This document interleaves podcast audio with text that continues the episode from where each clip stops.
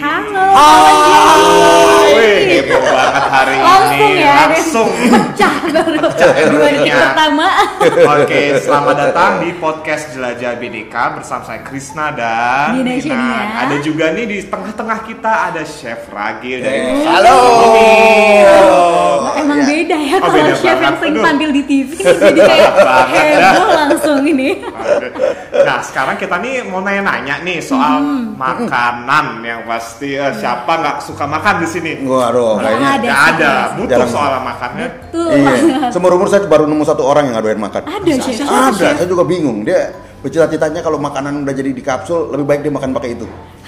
Nggak tahu, mungkin waktu kecil traumatik kali ya. Bisa jadi ya, mungkin dipaksa gitu ya jadinya. Atau malah cita-citanya pengen jadi astronot. Mungkin, mungkin bisa jadi. Saya dong. oh sama dong. Sama Oh, juga. Sama, saya juga mau jadi astronot tapi karena kapsulnya nggak muat nggak jadi deh. Jadi jadi chef yang lebih cocok ya chef ya. Nah, sobat kawan Jabi kita hari ini balik lagi di episode tentang Indonesia ya Siap. Krisna ya dan sekarang udah bersama dengan Chef Ragil yang merupakan pendiri, waduh, yang juga pemilik ya sih kayaknya chef ya. Iya, tapi bukan saya sendiri kok, iya. kita bareng-bareng. Dari Nusa Gastronomi. Nah, kalau misalnya teman-teman udah kepo apaan sih ini, yuk kita dengerin aja nih ngobrol bareng sama Chef Ragil hari ini. Mungkin pertanyaan pertamanya Nusa Gastronomi itu restoran seperti apa sih chef? Sebenarnya Nusa Gastronomi itu eh, restoran Indonesia, cuman eh, memang yang kami tampilkan di sini itu lebih ke makanan Indonesia yang jarang ditemuin di restoran Indonesia pada umumnya. Ah, oke. Gitu. Jadi eh, menu-menu kita di sini biasanya based on experience Mm-hmm. dan juga eh, based on eh, ingredients yang banyak yang kita datangkan dari tempat asalnya. Wow, Gitu. bener-bener dedicated gitu ya chef didatengin langsung dari. Autentik. Iya, karena Otentik, ya. kalau kita ngelihatnya memang eh, tanah nggak bisa dikopi. Oke. gitu. Efeknya adalah ke tanaman-tanaman dan ke bahan-bahan eh, yang kita pakai juga rasanya akan mungkin nggak terlalu berbeda banget, tapi ada perbedaan sedikit eh, untuk membuat makanannya ini memang lebih eh, asli deh kalau kita bilang. Kita nggak bilang otentik karena otentik sama asli itu agak beda jauh. beda. Eh, eh, kalau otentik memang harus di tempatnya. Gitu. Oke. Eh, itulah banyak salah kaprahnya kadang-kadang Oh, ada yang bilang yes. otentik tapi otentiknya perbedaannya nih kawan Ada bedanya ternyata ya. Eh, eh, eh, apa namanya kalau otentik bilang restoran otentik sebenarnya itu paling bahaya karena itu paling susah untuk susah, menciptakan eh, hasil yang otentik bener gitu jadi kalau kita sih bilangnya mendekati aslinya Mendekati aslinya. Berarti apakah itu juga makanan namanya gastronomi chef? nah kalau gastronomi beda lagi, Beda lagi. kalau gastronomi itu sebenarnya eh, apa ya elaborate dari si nusanya nusa jadi secara konsepnya makanan Indonesia tapi kita milih lebih ke gastronomi karena ketika eh, yang makan di sini eh, mereka juga diceritakan tentang eh, sejarah si makanannya, Wow. cara membuatnya, teknik masaknya, bahan-bahan yang dipakainya, dan eh, awal mula si makanan ini terjadinya bagaimana. Eh, kita berusaha untuk menyampaikan itu supaya eh, sejarah si makanannya juga tidak menjadi hilang dan mudah-mudahan itu memberikan inspirasi ke banyak orang yang makannya lah. Jadi berarti makanannya nggak cuma disajikan, tapi ceritanya juga diceritakan gitu ya chef ya? Iya. Semua prosesnya. Karena satu Menarik. restoran Indonesia memang banyak dan kedua kita memang sebisa mungkin memberikan lebih eh, manfaat untuk orang yang datang ke sini. Luar biasa nih. Jadi bukan makanan biasa. Kalau di Nusa Gastronomi berarti Bahasa bahasa makanannya. sekarang gitu ya. Ini anti mainstream berarti. Bukan cuma makan ternyata ke sini ya, Iya. belajar. Belajar, setuju. Nah, terus yang menarik lagi ya chef ya di Nusa Gastronomi ini kan makanannya lebih kayak kontemporer gitu kayak tadi sayur lodehnya nggak cuma jadi sayur lodeh, tapi ada misalnya jadi puree, jadi sesuatu yang lebih menarik. Nah, kenapa nih chef pengolahannya tuh diolah dengan sedemikian rupa hingga akhirnya jadi kayak bisa dibilang lebih kekinian gitu. Sebenarnya ceritanya sih agak konyol ya, Ya, karena eh, beberapa kali kita eh, ada promotion sebelum saya buka Nusa gitu ya. Eh, saya cukup lama kerja di hotel, terus kemudian juga banyak eh, promosi makanan Indonesia ke luar negeri gitu ya. Malah banyak sekali orang-orang Indonesia yang di luar negeri sana yang sudah mengerti sebenarnya kelotokan eh, fine dining gitu ya. Selalu bilang, ah mana bisa makanan Indonesia dibikin gini, makanan Indonesia kan jelek, makanan Indonesia kan eh, presentasinya nggak bisa dibagusin gitu. Padahal mereka lupa bahwa it's about packaging and branding, Iya, gitu iya, maksudnya iya. hal-hal seperti itu aja. Nah kebetulan eh, saya sangat seneng makanan eh, fine dining dalam arti seneng tuh saya seneng merhatiin, seneng Sangat nggak kita ya, Chris, ya. eh, lihat gitu. ya. Tapi yang salah, Iya. makan fine dining di Nusa, alhamdulillah belum ada yang pulang dari sini nyari nasi goreng. Aduh. Karena udah kenyang di sini. Udah kenyang ya. Beda berarti ini. Iya, Beda, biasanya beda. kalau fine dining kan makan pasti Iya, eh, seuprit banget gitu ya, kelaparan Chef, kan? ya. Betul. Kalau di sini enggak. Betul, biasanya kayak gitu. Iya, itulah hebatnya Indonesia sebenarnya. Ketika Oh, dibikin fine dining, makanannya juga dibikin cantik, tapi tetap harus kenyang. Nah, karena di tengah-tengahnya kalau orang bule makan fine dining dikasih roti kan? Iya. Di Iya. Indonesia kasih nasi. Ah, Indonesia Gitu. banget lah. Iya, dan nasinya juga nggak cuma satu. Padahal Indonesia punya banyak nasi jenisnya. Apa aja tuh, Chef? Wah, gitu ya, Chef. eh, ada nasi. eh, Indonesia itu punya sekitar 17.000 eh, jenis nasi. 17 Iya. ribu 17.000. jenis nasi. Tapi yang sekarang ada bibitnya tinggal 7.000. Aduh. gitu kebayang kan berapa, speechless. berapa yang hilang? Banyak kemudian yang ditanami itu kurang lebih adalah seribu biji. Wow. gitu. Oh, jadi wow. tinggal segitu tuh. Ya tinggal segitu tuh. Nah dari seribu itu eh, kita mencoba untuk selalu mencari eh, nasi-nasi yang eh, asli Indonesia. Gitu. Salah satunya yang di sini juga tamu juga paling seneng tuh nasi adan krayan namanya. Apa tuh, Chef? Nah, nasi adan krayan ini adanya di daerah eh, Kalimantan di daerah Dayak. Oh, Ya. daerah Kalimantan Timur ya. Eh, eh, dan ini beras favoritnya Sultan Brunei. Wow, Sultan. Nah, kalian aja belum pernah nyobain kan? Belum pernah pastinya. Karena memang berasnya banyak kan dilemparnya, dijualnya ke Brunei karena memang banyak sekali Sultan minta ini. Gitu dan rebutan juga sama Malaysia. Pasti dia Karena enak banget nih. areanya itu dia lebih dekat ke Malaysia daripada ke Indonesia. Oh, pantas. Jualnya lebih gampang ke Malaysia daripada ke Indonesia. Nah, kita bisa dapat pun juga kalau misalnya kita lagi eh, ada temen atau ada rekanan yang lagi ke sana dan yang lagi ke sana itu biasanya pendeta. Oke. Gitu. Jadi pendetanya ke sana baru pulang bawa si beras gitu. Dan itu juga tergantung dari ketersediaan eh, Lagi ada atau enggak baggage di pesawatnya. Aduh, terbatas Itu. ya. Karena bawa paling juga. banyak 30 kilo. Iya, benar Nah, banget. ditambah lagi kalau misalnya kita lagi ke Padang deh, gitu. Kalian pasti udah pada pernah makan Bare eh, makanan Padang kan? Pernah. Heeh. Pernah Nah, pernah makan bare soloknya nggak? Pernah sih Saya ya, sih belum. Saya Ya. belum. Pernah sama makanan Padangnya? Makanan di sana ya, pernah sih. Nah, ya. bandingin sama kalau misalnya makan res- eh, makanan Padang di sini. Beda sih. Beda. Beda, Nah, benar. Kenapa? Tahu nggak bedanya kenapa? Tanahnya tadi mungkin kata chef. Satu tanah, kedua jenis berasnya. Karena berasnya itu pasti dia nggak pulen. Iya lebih Iya agak agak gitu perah. kan, chef, ya? Karena orang Padang kebiasaannya memang makannya dengan kuah. Iya Oh, sih. gitu. iya, iya. Jadi makannya harus pas karena kalau misalnya pakai nasi yang lembek malah sebenarnya nggak cocok. Jadi kayak bubur Iya, nanti. bubur. Iya. Lembek. Gitu. Jadi hal-hal seperti ini yang eh, kita sampaikan juga ke tamu. Kenapa kalau misalnya lagi eh, seasonnya tentang Padang gitu ya, yang kita keluarin adalah nasi bareh Solo. Gitu supaya eh, tamu-tamunya juga tahu oh iya ya emang beda ya gitu. Mungkin orang pertama yang biasa makan makanan pakai beras eh, biasa mungkin agak aneh kok kayak begini gitu. Tapi Iya, begitu iya. mereka udah nyobain, oh iya ya beda. Nah, hal-hal seperti ini yang kita juga eh, pengen sampaikan ke tamu yang makan supaya punya experience yang lain. Gitu ditambah juga challenge-nya kalau misalnya lagi bikin restoran Padang, apa makanan Padang, ya harus lebih enak daripada restoran Padang yang ada. Karena kalau misalnya enggak, ya sih. apa gitu kan. Ngapain juga ya? Heeh, nah biasanya kita juga akhirnya nyarinya juga makanan-makanan Padang yang nggak pernah dijual di restoran Padang. Apa tuh contohnya tuh chef? Pernah dengar eh, ayam hitam? Enggak. Belum gitu. pernah. Jadi di Padang itu ada ada satu namanya eh, ayam hitam. Eh, Sebenarnya dia bumbunya mirip dengan gulai, tapi dikasih dengan biji galundi. Gitu biji galundi itu biji yang eh, adanya hanya di daerah nama daerahnya Sulit Air. Nama daerah desanya ya. Dan itu harus dibakar dulu sampai menjadi bara. Kemudian setelah menjadi bara ditumbuk, disaring halus. Setelah itu baru dimasukkan ke dalam si eh, gulai ayamnya ini. Nah, khasnya itu kalau menurut orang sana adalah untuk mendinginkan perut Oke. gitu. Jadi ketika eh, makan gulai itu kan kalau sana agak pedes ya. Nah, ini udah dikasih itu jadi agak lebih soft gitu. Gitu. Menarik ya. Iya, kalau orang-orang di luar sana di restoran-restoran luar pakai bubuk apa namanya? bubuk bambu lah, bubuk apa buat bikin makanan jadi hitam. Indonesia udah punya dari ratusan tahun yang lalu gitu loh. Iya sih. Gitu. Iya, Jadi iya, iya. hal-hal begitu. kalian semua. Mm-mm. Akhirnya Tahu ketika kan?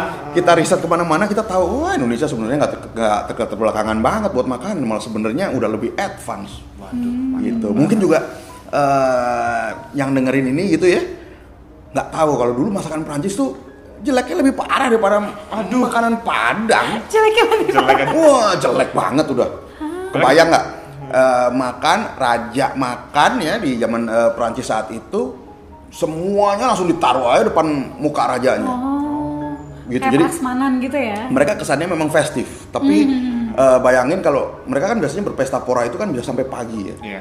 Eh, yang ditaruh di depan mukanya itu kan udah eh, misalnya babi panggang satu ekor, ayam satu ekor, nanti eh, sapi bisa juga wah, kakinya doang apa segala macam itu gede-gede terlalu besar. Nah baru sekitar kalau nggak salah abad eh, 13-an atau abad 15 saya lupa ya agak-agak eh, miss. Itu ada satu orang chef yang merubah itu semua menjadi makanannya menjadi lebih baik gitu. Jadi semuanya proses Iya. gitu tidak semena-mena tiba-tiba gitu ya. orang Prancis makan makanan udah cling di piring udah cantik Udah nggak cantik. juga Iya, gitu ternyata belajar. gitu karena memang ada prosesnya nah Indonesia boleh dibilang merdeka belum ada 80 tahun gitu ya belum ada 100 tahun ya semua kan melewati proses gitu Iya, ketika eh iya kemudian kita menjadi salah satu yang mulai eh, Menginisiasi. menginisiasi buat makanan Indonesia bisa jadi cantik kok, bisa jadi bagus kok, bisa eh, gimana caranya buat eh, didesain aja kok gitu. Semuanya sebenarnya pada akhirnya adalah harus terdesain aja gitu. Dan teman-teman chef yang lain juga yang lebih muda, terus yang sekarang juga udah seneng ke Indonesian food juga udah mulai lebih canggih-canggih dari saya malah. Wow, berarti ini Chef Ragil salah satu bapak WD makanan Indonesia modern nanti ya. Nanti dikenal di sejarah gitu kan. Masuk Jadi history history in the making gitu ya. Iya. di buku iya. pelajaran ntar muncul namanya. Chef Ragil. Bapak makanan Indonesia. kontemporer. Kontemporer. Aduh. Menarik nih sekali. Nah tadi juga udah sempet disinggung sama Chef Ragil Krisna ya, kalau Nusa Gastronomi selalu ngelakuin riset. Mm. Boleh ceritain nggak kenapa sih Chef harus riset? Terus pernah ada nggak sih cerita yang menarik banget nih yang kayaknya, waduh saya juga sampai kaget nih sebagai chef gitu. Oke, Em, kenapa kita harus research? Karena challenge yang paling besar adalah eh, bangsa Indonesia ini tidak secara default senang menulis, gitu. Jadi ketika kita mencari eh, tentang makanan Indonesia di perpustakaan, mungkin nggak bisa dapat lebih dari 10 buku Iya. sih. gitu. Dan eh, yang paling banyak adanya di Belanda gitu. Eh, saya nggak bisa bahasa Belanda eh, satu itu. Kedua yang di Belanda juga kebanyakan tulisannya juga ada beberapa yang menggunakan eh, Sanskerta.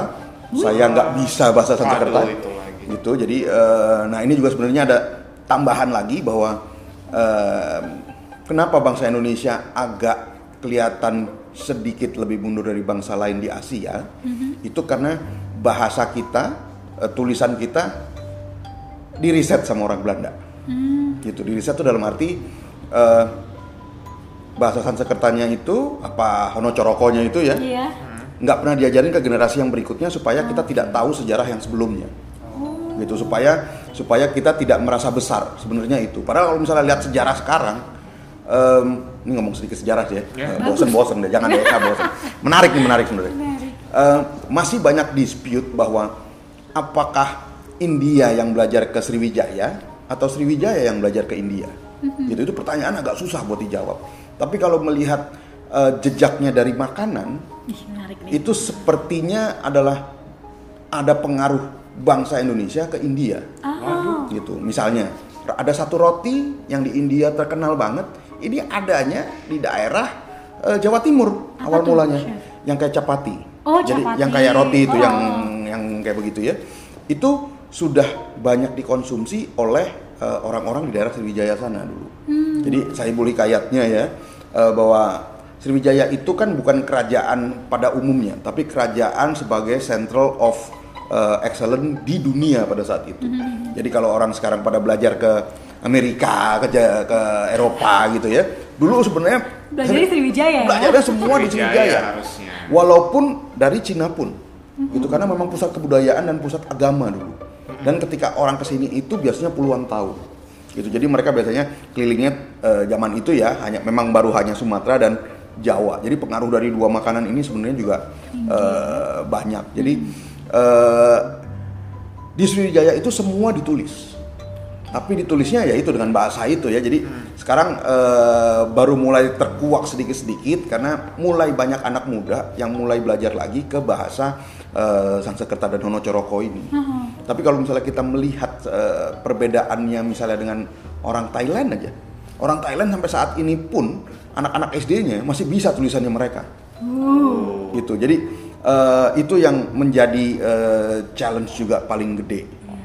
Contoh lagi yang berikutnya adalah serat centini. Serat centini itu kan ada berbagai bab. Ini belum semua babnya selesai loh. Gitu. Masih ada beberapa yang belum. Dan di situ juga ada cerita sedikit tentang makanan gitu bahwa eh, salah satu bahan di Indonesia yang paling menarik dan yang paling eh, boleh dibilang otentik adalah tempe Tempe. Tempe. gitu karena dari abad 600 sudah ditulis di Serat Centini jadi jangan tiba-tiba nanti dibilang eh, tempe punya siapa gitu ntar kayak rendang punya siapa gitu ya. Eh, itu udah otentik banget udah ada tulisannya gitu. Jadi eh, menarik sebenarnya. Jadi memang hubungannya ketika kita research adalah ketemu dengan eh, sejarah-sejarah seperti itu. Kemudian juga kita mesti ngumpulin resep-resep dari eh, tetua-tetua. Karena kita terus terang memang berpacu melawan eh, waktu ya. Karena kadangkala yang eh, tua-tua ini eh, menyampaikan resep itu hanya dengan bercerita atau mengajarkan. Ketika cucunya anaknya segala macam nggak suka makanan nggak suka masak Putus ya? bubar dah. Itu udah udah ada beberapa ya. Ada beberapa teman saya aja juga eh, dulu neneknya jago banget masak sekarang udah hilang gitu. Kadang-kala kalau cerita aduh kangen ya masakan eh, nenek bikin ini bikin itu. Ya udah bikin lagi aja. Hehehe nggak ada yang bisa. Ya udah gitu, gitu. Sayang banget gitu. Jadi memang kita sekarang kejar-kejaran karena memang waktunya bayangin aja ya kalau misalnya yang eh, lahir tahun di bawah tahun 1930 aja udah berapa umurnya sekarang? Iya. gitu. Sedangkan yang kuat untuk eh, masak adalah di tahun-tahun itu kalau menurut saya yang udah bisa yang paling bisa kita kejar ya. Yang kalau udah di bawah tahun 1900 kan udah gak mungkin kita kejar. Hmm, terus Iya. Dari mana nyarinya gitu ya? Hmm, gitu. Oke. dan juga menariknya kenapa juga kita harus research? Karena makanan eh, buku makanan Indonesia yang paling komprehensif itu dari tahun eh, kemerdekaan sampai sekarang ya cuma ada satu. Zamannya Presiden Soekarno dulu namanya Mustika Rasa. Mustika. Heeh, nah itu aja udah itu pun alhamdulillah banget sempet tercatat gitu kalau misalnya itu nggak tercatat banyak sekali tambahan yang lebih hilang dan itu pun juga hanya sekitar seribu makanan Gitu. padahal Indonesia dari Sabang sampai Iya. Merauke Iya. makanannya berapa ratus ribu gitu Berasa itu dia seribu ya beras Iya. doang gimana? Pulaunya aja udah 17 ribu gitu kan, Iya. 17 ribu 800 sekian kan gitu. Eh, gitu. Orang-orangnya ada berapa banyak gitu. Udah, udah gitu pasti makanan tuh berkembang gitu. Gitu. Nah, kita juga di sini eh, merasa bahwa kita nggak bisa lebih dari 50 sampai 100 tahun ke belakang. Nggak bisa lebih dari itu. Jadi yang kita batasin adalah kita risetnya hanya berani di 50 sampai 100 tahun ke belakang karena masih banyak jejaknya. Masih bisa Iya. dikejar Tapi ya. ketika udah lebih dari itu, wah itu udah udah lebih heavy lagi dan itu perlu tim yang lebih solid lagi udah kayak nyari fosil deh kalau buat saya. Iya bener. Ini balik ke masa sejarah tapi yang ini ya khusus Eh, eh, makanan eh, eh, gitu di track. makanan. Jadi ketika kita research ya banyak hal-hal yang lucu-lucu juga, banyak yang menarik juga. Misalnya nggak usah jauh-jauh deh, sekarang masih banyak gitu ya. Kita ke pasar Bukit Tinggi di Padang. Wih, enak nih pasar Nah, atas. eh, pasar bawah malah. Pasar bawah. Eh, kalau di Eropa itu kan begitu kita datang, cek langsung lihat, wah keju dijejer apa segala macem, nyobain apa segala macem udah, wah, wah udah begitu begitu ya. Begitu kita ke pasar bawah Bukit Tinggi, datang udah ngeliat ibu-ibu berjejer ada lima tujuh orang, Eh, batunya kurang lebih dua kalinya ini nih, sama apa namanya ulekan, segini nih kurang lebih gedenya. Cabe ya 3 kilo. Cek taro dia ngegiling. Bumbu ya, iya chef bikin ya. bumbu ngalusin bumbu. Lucunya adalah ketika lagi ngegiling ngegosipnya ngegosip artis. Waduh. itu lah kocak banget. Kekinian banget Iya, ternyata. iya nggak taunya tetep aja dia juga ada ini ada eh, pengaruh dari luarnya juga Waduh, itu kan cepet. Itu buat 3 sampai 5 kilo tuh nggak nyampe 10 menit. Iya Capek sih. ya. Iya. Saya juga ngerasa itu. Saya aja yang biasa masak di dapur gitu ya. Begitu di dekat daerah situ 5 menit udah netes air. Wah, gila panas banget di sini. Panas dalam arti ya eh, memang udaranya agak panas terus kemudian cabai-cabainya juga ini nanti juga panas. Wah, itu mereka santai aja gitu. Udah biasa ya. Udah imun kayaknya. Santuy. Iya, udah santuy banget. Begitu masuk lagi ke dalam, yang dijajarin bukan keju, gula merah. Wah, gula merah tuh jajar udah kayak keju ada yang dari eh, tebu, ada yang dari aren, ada yang dari kelapa, dari daerah ini, daerah itu, apa segala macam. Wah gila, bagus banget nih, enak-enak banget. Saya kan seneng emang sama gula merah ya. Oh. Jadi nyobain semuanya udah, wah enak banget. Tapi penasaran, akhirnya nanya sama orangnya, Pak, yang paling enak yang mana Pak? Nggak taunya dia keluarin dari bawah. Eh? Ini yang paling enak. katanya. Aduh, tetap aja yang premium juga nggak dikeluarin. Loh, kenapa disimpan Pak yang paling enak? Karena ini biasanya hanya keluar di eh, bulan puasa katanya. Wah, gila.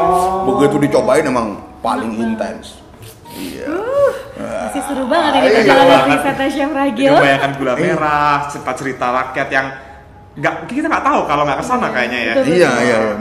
Eh, banyak cerita-cerita yang menarik yang bisa didapetin dan itu yang perlu kita share ke Nah, tamu-tamu di sini gitu supaya juga mereka ada eh, tambahan lah cerita-cerita seperti itu yang yang mungkin udah banyak pada nggak pernah nyeritain juga gitu dan banyak yang nggak tahu juga. Oke gini chef, Ah, ini mungkin lebih personal. Kenapa sih jatuh cinta sama makanan Indonesia? Em, karena dari kecil sebenarnya saya eh, nggak bisa berhenti makan dan Sama, biasanya Chef. Sama. Sama. Sama dong. ya biasa. terus eh, ibu saya itu di rumah di rumah kita nggak pernah namanya kosong makanan dan kebanyakan yang makanan Indonesia dan eh, mama itu campuran makanan Indonesia nya jadi nggak Oh, cuman iya. eh, kita lamanya memang di Semarang ya jadi eh, banyak makanan Semarang tapi karena eh, nenek juga dari eh, pernah di Palembang pernah di mana segala macam jadi makanannya beraneka ragam gitu dan saya hanya berpikir wah ini yang saya tahu kayaknya baru sedikit ya.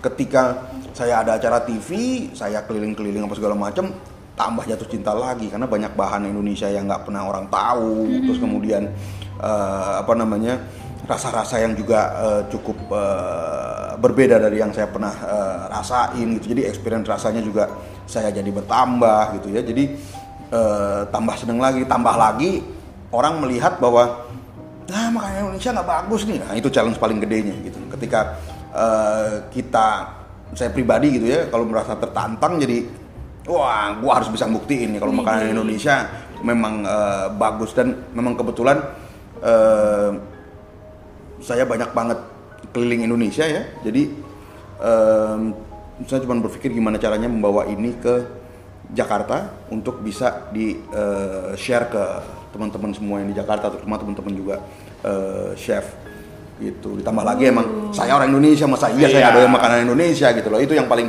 yang paling eh, men-trigger. Dan kalau misalnya kita lihat teman-teman chef yang Prancis gitu mereka kan bisa wah bangga banget dengan makanan eh, Prancisnya gitu ya. Tapi begitu saya lihat sejarahnya ah kayaknya kalau ngeliat panjangan sejarahnya juga kayaknya Sejarah sama-sama aja. Prancis istilah saya gitu ya itu kan seiprit gitu doang negaranya Iya. nah Indonesia berapa banyak gini emang pasti akan lebih banyak dan lebih kaya gitu loh itu yang eh, membangunkan saya juga bahwa saya sebagai chef orang Indonesia kok belum bisa ngasih apa-apa ke eh, tentang eh, makanan Indonesia dari situ baru akhirnya kita lebih dalam lagi untuk eh, riset tentang makanan Indonesia. Oh, tapi nggak sia-sia nih usahanya Chef Ragil karena Insya sampai Allah. dengan Nusa Gastronomi bisa memenangkan uh, Asian Kitchen Chef of the Year ya, Mm-mm. Chef ya tahun 2018. Jadi kayak luar biasa. Luar. Terus yang menarik lagi Chef, tadi kan ini kan makanannya diolahnya dengan yang sedemikian rupa gitu. Gimana sih reaksi pengunjung gitu saat mereka diceritakan, saat dihidangkan, ini kok tempenya gini, kok ini lodehnya gini, ini koknya gini gitu. Mereka sih surprise, surprise dalam arti wah makanan Indonesia bisa diginiin juga ya, bisa jadi kayak gini ya, atau eh ah kok kayak begini sih. Tapi ketika mereka nyobain, mereka nggak kaget. Kalau buat saya yang penting adalah Oh. itu, ketika mereka nyobain, yang akan keluar di memorinya mereka adalah rasa-rasa yang mereka udah pernah tahu, Familiar. ya terutama terutama yang eh, tamu-tamu eh, dari eh, Indonesia. Eh, surprisingly mereka suka dengan apa yang kita sajiin. Kalau misalnya yang dari luar eh, sana gitu yang nggak familiar dengan masakan Indonesia, mereka juga masih bisa menerima bahwa eh nggak taunya makanan Indonesia tuh enak ya, makanan Indonesia tuh nggak pedes aja ya gitu. Jadi mereka bisa merasakan tekstur rasanya yang kebanyakan kalau eh, di tempat lain eh, yang misalnya makanannya kurang diperhatikan gitu ya, tekstur rasanya ini tidak tidak tersampaikan. Oh, Jadi yang oke. dirasakan oleh eh, tamu-tamu either rasanya hanya pedes aja atau rasanya cenderung bland, cenderung eh, eh, hambar simple aja gitu. Nah itu yang ketika mereka ke sini mereka merasa wah eh, saya merasa beruntung saya datang ke sini karena eh, saya pengen cari tentang makanan Indonesia dan baru dapetnya di sini dan itu yang membuat kita sebenarnya menjadi lebih eh, seneng ya bahwa apa yang kita sajikan itu bisa diterima dan bisa dihargai oleh yang datang ke sini. Gitu lah. Tapi yang anak-anak muda juga saya tungguin loh lebih banyak. Chris udah pernah nyobain Iya. kan? Oh udah. Makan apa Chris waktu itu Chris? Saya makan ayam. Saya lupa dimasak dengan cara apa, tapi saya juga, juga baru tahu bisa ya ayam dimasak dengan cara yang saya kira kan cuma kalau nggak direbus, Goreng, digoreng, bakar gitu ya. bakar, udah. Ternyata ada lagi caranya. Saya lupa nama menunya apa itu chef. Wah apa ya? Apa ya? Kayak terlalu banyak menunya. Nanti berarti Iya. kawan JB harus coba cek juga Ah, nih, iya. mampir Iya, ke iya, sini letak gitu juga, ya. berarti. Karena kita memang tiap 2-3 bulan menunya ganti terus. Oh, pantas. Ada season-seasonnya gitu tadi chef? Ada, jadi biasanya kita season normalnya itu adalah season tentang Indonesia. Jadi dari Sabang sampai Merauke, makanannya biasanya sekitar 9 eh, macam. Eh, total yang dimakan sih sebenarnya sekitar 18 ya. Dari Oh, yang kecil-kecil sampai makanan gedenya. Terus eh, ada specific season. Specific season tuh biasanya buat specific eh, region. Misalnya habis eh, tiga bulan tentang menu Indonesia umum, ada misalnya tentang eh, Batak, Batak food. Gitu. Buat arsik. gitu nah ada arsik ada apa namanya ada naniura ada eh, saksang semuanya keluar Wih. gitu terus eh, habis itu biasanya balik lagi ke Indonesia normal nanti balik lagi ke season misalnya tentang Minang Padang Aduh. gitu jadi eh, eh, jadi berkala berubah-ubah terus supaya eh, orang juga nggak bosan Iya, iya, iya. Jadi lebih kayak menarik gitu ya. Selalu ada inovasi dari sini ya. berarti. Iya, karena kalau udah eh, berhenti di satu titik biasanya kebetulan saya orangnya bosenan. jadi kalau udah berhenti di satu titik pasti nyari lagi yang lain. Gitu. Tapi menu andalannya yang selalu diminta pengunjung tuh ada nggak sih sih? Ada beberapa. Nah, biasanya menu-menu yang favorit ini dari satu season itu eh, apa yang paling tamunya suka gitu, yang komennya paling mereka suka gitu ya. Eh, itu biasanya kita taruh di menu yang sharing. Nah, menunya sharing ini juga berubah terus tapi setiap enam bulan, jadi nggak terlalu lebih cepet. Itu dan biasanya kita taruh di situ ya. Biasanya sih memang tergantung dari culture ya. Eh, dalam arti eh, mungkin kalau yang orang eh, Jawa senengnya makanan-makanan yang cenderung agak manis gitu. Iya. Misalnya kita keluarin ada rabek, rabek itu makanan dari Banten sebenarnya. Mirip semur cuman nggak semanis semur. Oh. Gitu. Nah, itu kebanyakan orang yang biasanya kalau dicari tahu memang yang agak Jawa suka itu gitu. Tapi kalau misalnya yang eh paletnya nggak terlalu suka manis, biasanya seneng yang namanya ayam kulat pelawan yang dari Apa itu eh, Bangka. Mungkin. Mungkin ya bisa Mungkin. jadi tuh yang Mungkin. salah satu yang eh, disukain juga banyak tamu. Jadi dia eh, masaknya mirip kayak eh, rendang sebenarnya lempah ya. Ah, mirip semuanya bumbunya terus ada eh, santan juga. Cuman ada jamur yang memang khas dari Belitung. Jamur ini dibilangnya eh, jamur kulat pelawan atau jamur eh, petir. Gitu. Kenapa dibilang jamur petir? Karena dia hanya bisa tumbuh kalau ada Petir. siklus. Nah, siklusnya itu adalah satu harus ada hujan rintik-rintik. Hujan Nah, rintik-rintik. kemudian harus ada petir. Waduh. Aduh. Banyak ya ini. Ya, ha- habis ada petir, harus ada pohon pelawan yang udah tumbang. Oke. ya. Kemudian besoknya harus eh, terang benderang, harus sunny sunshine. Baru dia bisa jadi jamur tuh, ya bibit-bibitnya. Itu dua tiga minggu kemudian baru nanti keluar. Nah, Susah. dong Ya ya, susah, ya. memang ini jamurnya memang mahal banget untuk di Indonesia mungkin salah satu yang paling mahal ya. Sekilo kering itu eh, kalau lagi jarang banget bisa mencapai antara 4 sampai 6 juta Wah. untuk satu ini. Tapi memang rasanya luar biasa. Ah iya chef. Ya, rasanya luar biasa banget. Menjerit ini. Gitu ya. Jadi, nah hal-hal yang kayak begitu yang memang kita akhirnya kita cari gimana caranya supaya dapat terus kemudian di eh, Perkenalkan. diperkenalkan di sini bahwa Indonesia tuh nggak terbelakang banget buat makanan malah lebih hebat gitu. Nah lakunya si jamur ini malah di Hong Kong. Oh, Iya malah makanan makanan Chinese di sana banyak yang pakai jamur ini. jamur ini. Mungkin kita nggak sanggup kali. Sanggup kayak. Iya kan? Harus panen sendiri. Kalau di Bangkanya sendiri memang keluarnya hanya di eh, saat-saat eh, perayaan-perayaan eh, besar itu. Makanan yang sangat spesial ya gitu ya. Spesial. berarti, chef, ya. Hmm, Untung saya udah nyimpen 2 kilo. Waduh, eh, 12 juta. ya. Chef Ragil, Chef Ragil punya punya ini nggak kayak cita-cita untuk bisa akhirnya membukukan nih semua tadi makanan-makanan Indonesia dan perjalanan-perjalanannya mendalami makanan Nusantara ini. Insya Allah, insya Allah kita lagi ngejar eh, tahun ini eh, mudah-mudahan sih paling telat tahun depan eh, kita akan bikin satu buku tentang eh, apa yang sudah dilakukan oleh eh, Nusa Indonesian Gastronomy biar lebih banyak Yang tahu spread, ya, lebih banyak yang tahu dan mudah-mudahan bisa bermanfaat buat yang bacanya lah minimal. Ih, kita menunggu banget pastinya ya. Chris ya. Amin, amin, amin. Nah pertanyaan terakhir Krisna mungkin. Ada nggak sih chef uh, makanan yang pengen banget dihidangkan di Nusa Gastronomi tapi belum kesampaian dari dulu?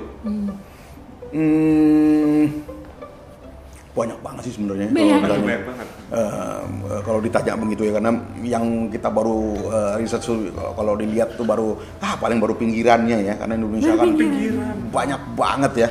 Eh, salah satu yang pengen kita eh, buat di sini eh, dan memang agak memang lebih sulit karena memang perlu researchnya lebih dalam lagi itu adalah tentang makanan-makanan fermentasi Indonesia. Fermentasi. Fermentasi. Tau fermentasi nggak? Combro gitu bukan? Bukan. Isinya fermentasi. Oh, Combro, iya. combro kan pakai apa Ragi. dalamnya? Ragi bukan sih? Oncom. Oncom. Eh, pakai oncom ini kan oncomnya itu fermentasi. Oh. Gitu. Fermentasi yang paling simpel tuh sebenarnya tempe. Tempe. Ya. Gitu. Terus kemudian eh, yogurt, tapi yogurt bukan asli Indonesia ya. Ya. Yang asli Indonesia tuh eh oh ada banyak sebenarnya ada sekitar 40 eh, macam. Jadi ada tempe, ada oncom, kemudian ada tauco. Oh Iya, tauco. tauco. Iya. Terus kemudian kecap manis, kecap asin tuh termasuk. Oh iya iya. Mm-mm, terus ada eh, tempoyak. Oh tempoyak enak banget durian kan ini Eh, chef ya. yang, yang dijadiin eh, sambal. Sambal. Eh, eh, kemudian ada juga eh, nangka yang dikasih garam terus didiemin dulu sampai 5-6 hari. Ditambah lagi ada minumannya mungkin eh, kamu tahu kali bangsa kayak moke, sopi, cap tikus. Nah, teman-temannya cap tikus itu.